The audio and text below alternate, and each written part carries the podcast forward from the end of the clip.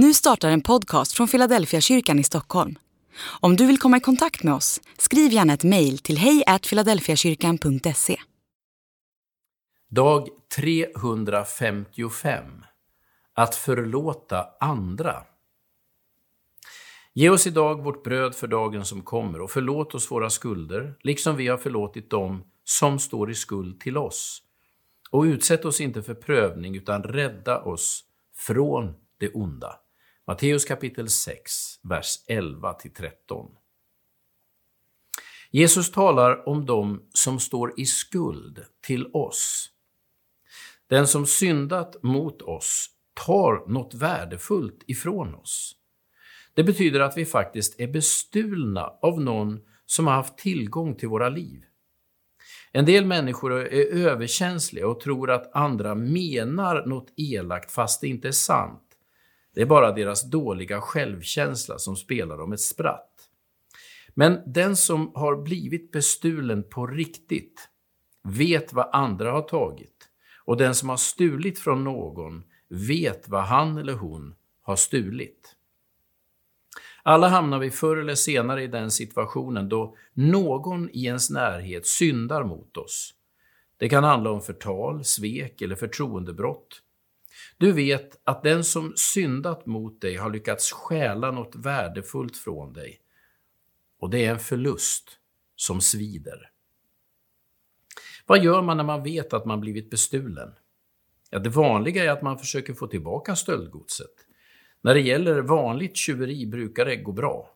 Om någon stulit en cykel eller en guldring så kan man alltid försöka få tillbaka sakerna. Men det är betydligt svårare när det handlar om icke-materiella tillgångar. Jag tänker på trohetslöften eller känslig information som sen har spritts på byn, eller förtal eller utfrysning. Hur får man tillbaka sådana tillgångar? Ofta skapar dessa synder djupare sår än när någon stjäl saker.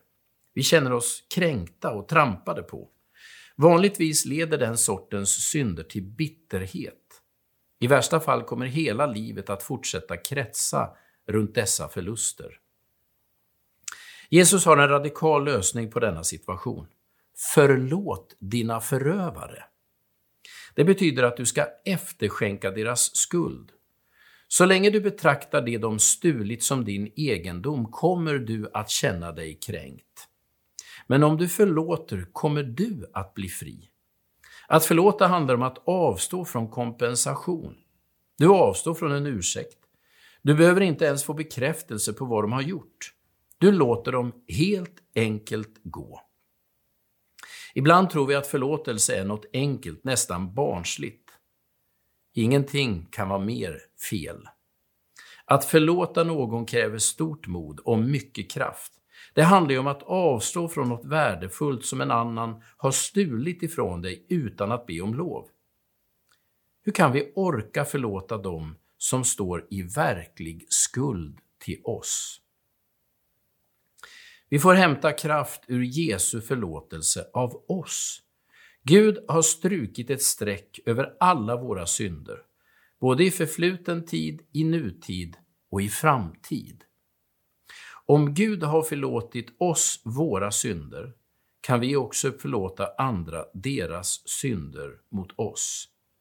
Hämta kraft hos Jesus och förlåt dina medmänniskor.